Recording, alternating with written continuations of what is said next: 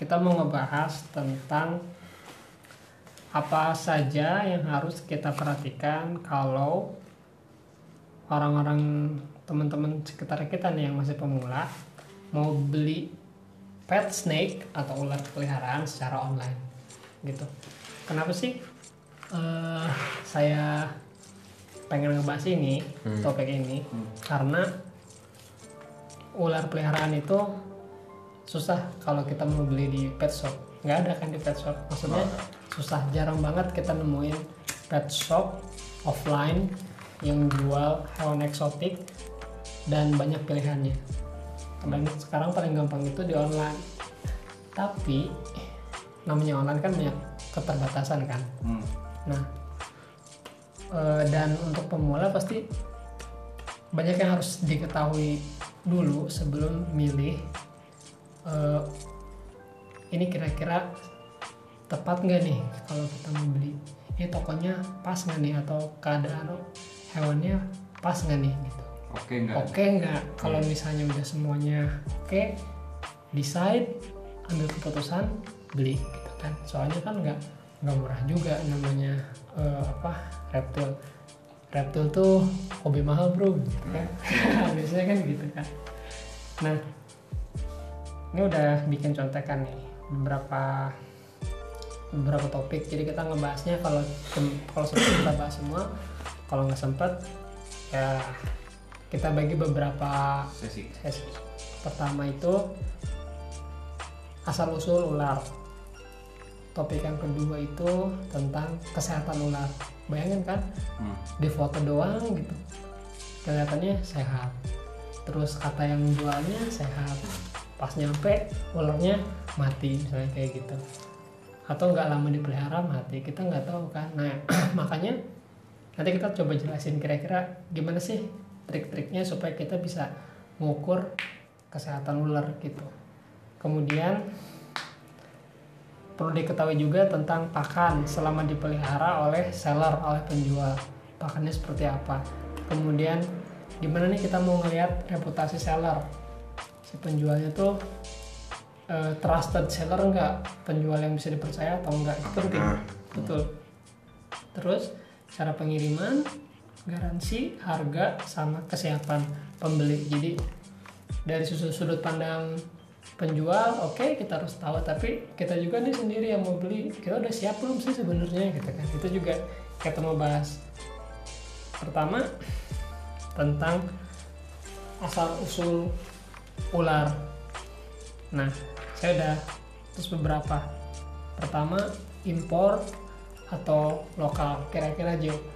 Yuk. bisa di apa sih yang kepikiran kalau misalnya kita ngelihat eh, mau ngebahas tentang ular yang di display di di online shop dan itu ngebedain itu ular impor ular lokal Maksudnya lebih ke eh, cara membedakan ular impor atau lokal doang. kan? Hmm, hmm, Ya secara gampangnya sih ada internet kan hmm.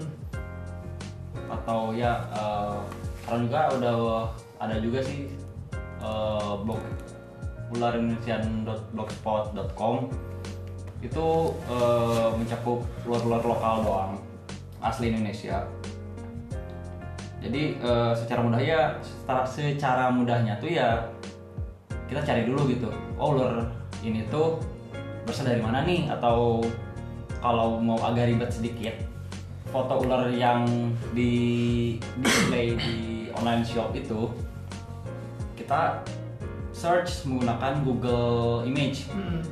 nanti itu bakal muncul kan namanya apa eh, nama ilmiahnya apa nama eh, lokalnya apa.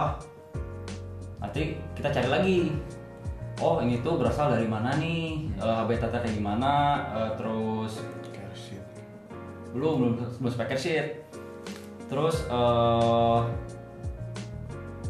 dari habitat itu kan eh ada ininya. Speknya juga ya, kayak spek. temperatur Enggak kayak temperatur kayak gitu kelembaban terus medannya dia hidupnya di kayak di di mana itu Hmm. entah itu di air atau di tempat lembab atau di tanah atau bahkan di atas pohon kayak gitu ya secara mudah kayak gitu aja sih Hmm.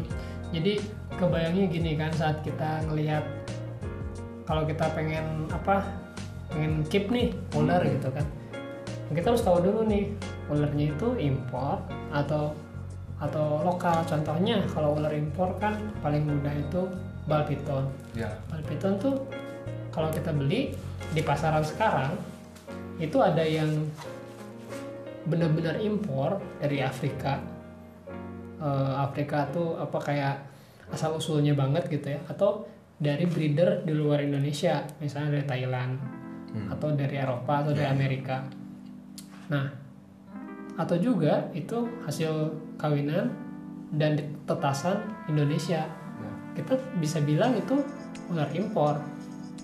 Tapi ya kita hasil apa? Karena dia asal usulnya tuh eh di Afrika gitu. Cuman kan bukan impor bener-bener kayak eh, pakai sertifikat impor gitu itu beda lagi ceritanya gitu.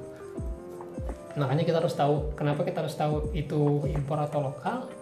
Karena ya ngaruh juga sama perawatan Betul. gimana tadi kan kata Ujo kalau misalnya ini ularnya lokal ya kita juga harus jangan keti- jangan ketipu Ya, gitu. jangan harganya tinggi Hmm. karena ular lokal eh karena ular impor eh, ternyata di kebun belakang juga ada gitu. Hmm. nah terus ada istilah wild caught WC WC ya, ya.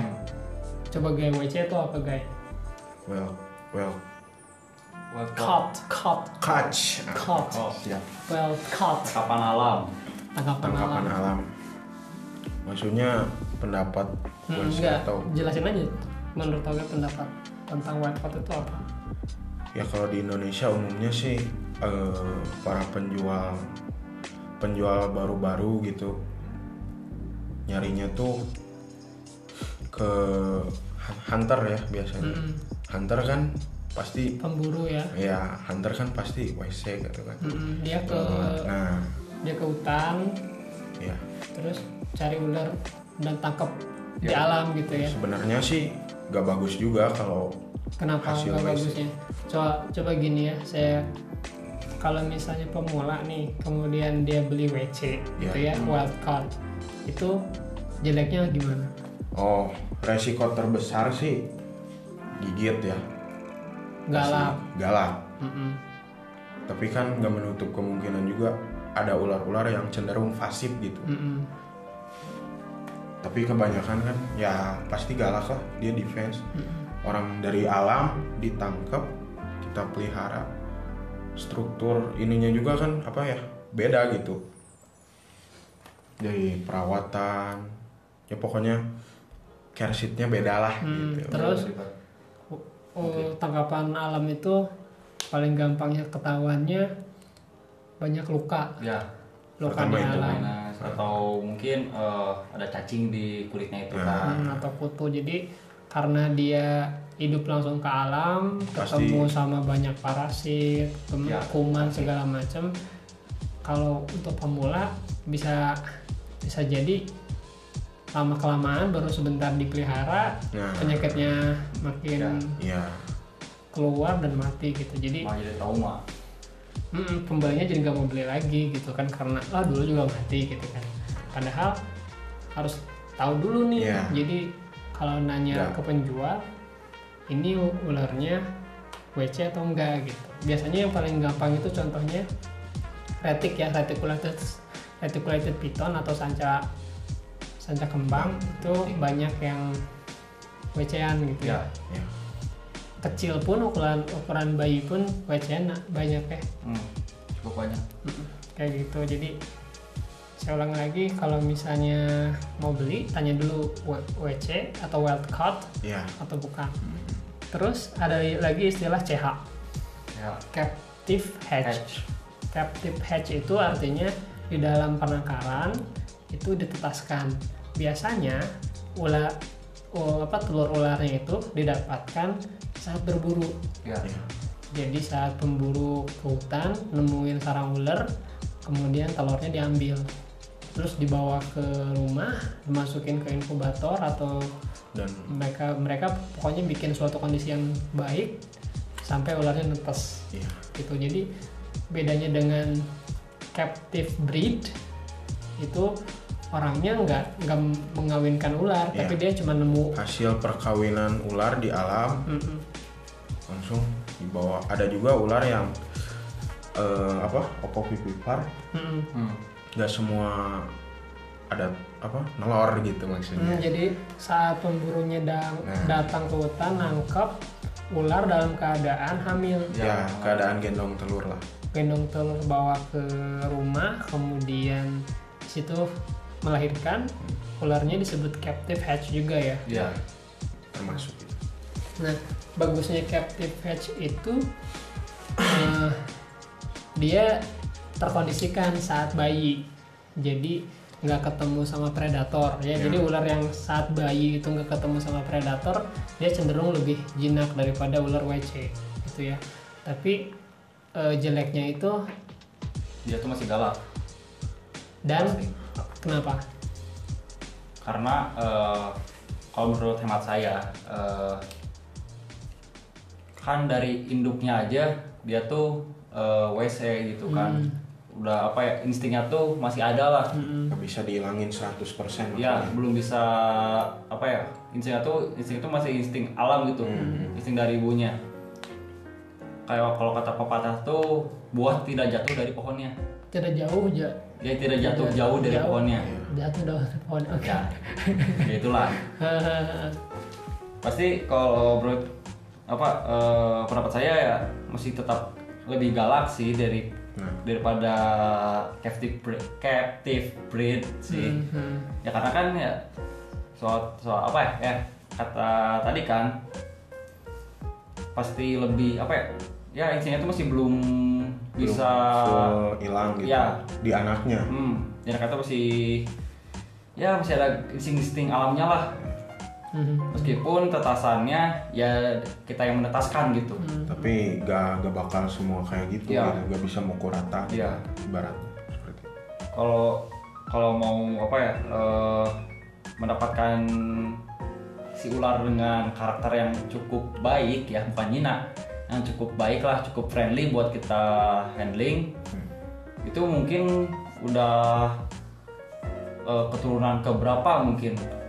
Mungkin eh, dari alam cap- captive hatch di kita terus beranak eh, udah jadi bertelur kita kawinkan lagi bertelur mungkin itu bisa jadi lebih jinak.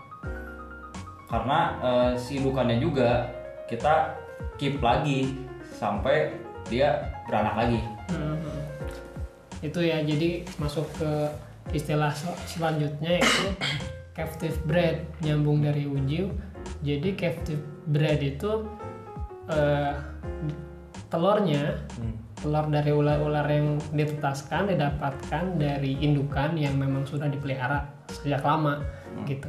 Jadi eh, CB ya kalau misalnya singkatnya itu CB-an itu lebih eh, lebih mudah untuk Iya. dipelihara ya lebih apa namanya lebih bandel lah ya itu ya Hmm. lebih bandel gitu terus resiko untuk gigit juga kadang lebih sedikit daripada Ya. yang dua istilah barusan sebelumnya tapi bedanya justru cewek biasanya lebih mahal Ya, Ya. karena kan pasti perawat dari segi perawatan juga udah beda gitu dari Hmm. Ya.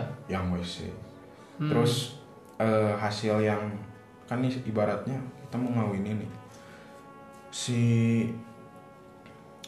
apa ini tuh yang mengawinkan tuh namanya tuh si breeder. Breeder. Ya.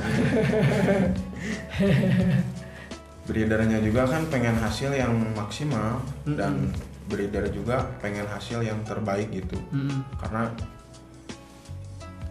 mikirnya kan buat dijual gitu Mm. jadi kan menjagalah kualitas nah, Ya. itu kualitas Nah, ada nih detail yang yang bisa kita tanya kalau misalnya uh, penjualnya itu memberi label captive bred. Hmm. Pertama itu breedernya siapa? Gitu. Jadi kalau misalnya kita bisa tanya ke orang yang menjual ini breedernya siapa, ada nggak namanya, penangkarannya di mana, itu bisa lebih menenangkan kita gitu Iya.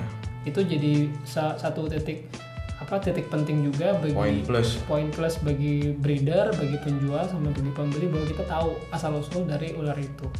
Kedua, eh, tanggal lahir, tanggal netas.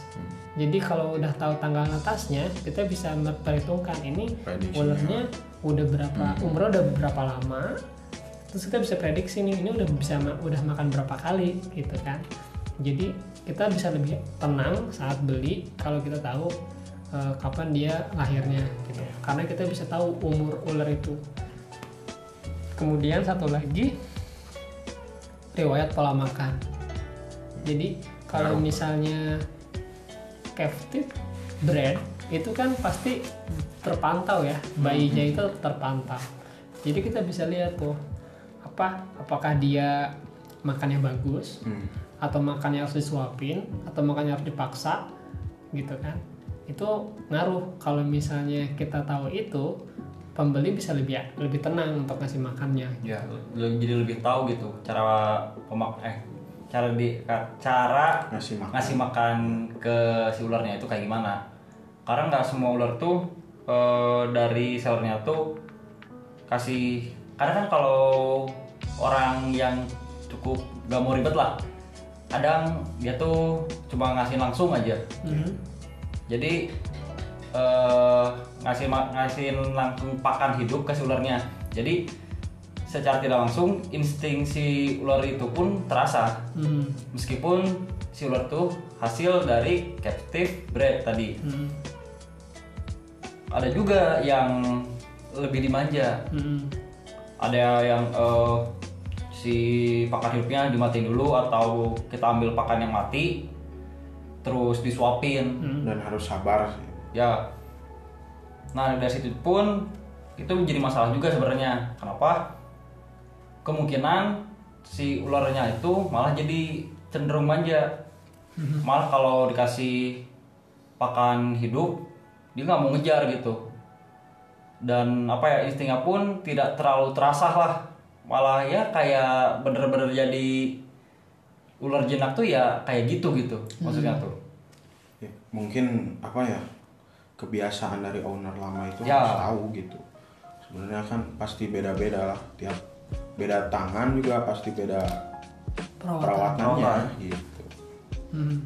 yang terakhir itu tentang tadi ya beda tangan istilah tangan Hmm. jadi eh, saat kita beli ular Ya. kita bisa tanya ke penjualnya asal usul ular itu dari mana? Apakah dia beli dari apa pecinta hewan lain? Atau dia beli dari eh, toko toko gitu? Atau dia langsung beli dari breedernya? Atau mungkin dia breedernya langsung gitu? Jadi tangan keberapa si ular itu eh, ta- apa berada? Itu juga mempengaruhi gitu kenapa? Kalau misalnya kita beli dari keeper atau pencinta hewan atau yang memelihara bukan dari penjual jadi kita kayak apa ya istilahnya tuh beli langsung ke pe- ke pencinta hewan lagi gitu ya. Itu resikonya lebih tinggi. Hmm, kita pasti kayak informasi tentang asal usul ular itu bisa lebih sedikit kita dapatkan terus juga resiko untuk perawatan dia jelek atau bagus kita nggak tahu gitu. Iya. apalagi kalau si pemilik sebelumnya itu kayak jelek merawatnya gitu kan. Hmm. sakit-sakitan lah atau sering dipuasain lah gitu kan. Atau air minumnya sering kosong kayak gitu. Atau itu kotor juga minumnya. Iya jarang ya apa kalau udah kotor tak kandangnya nggak cepet-cepet dibersihin gitu. Hal-hal yang jelek itu kita nggak tahu. Nggak bisa. Kita nggak bisa tahu. Nggak bisa ngecek fakta yang sesungguhnya gimana. Nah, nah jadi kan beda-beda orang juga. Jadi itu penting juga kita kalau misalnya kita bisa tahu ini tuh ularnya tuh keadaan tangan keberapa itu bisa jadi nilai plus lah bagi bagi pembeli gitu mungkin itu yang bisa kita share Ya. eh, sesi, sesi kali ini tentang asal usul ular yang kalian mau coba untuk beli di online shop atau kalian beli secara online apa pun caranya kalian bisa eh, tahu atau kalian bisa tanya dulu. Misalnya pertama saya kasih kesimpulan apakah ular itu impor Iya. benar-benar impor atau misalnya itu ular lokal atau misalnya apakah itu ularnya dapat dari perburuan atau misalnya itu ularnya CH captive hatch dan lainnya. Habis? Ya, habis baterai eh, memori mungkin udah habis. wah shit. Yaudah gitu aja dulu. Thank you for listening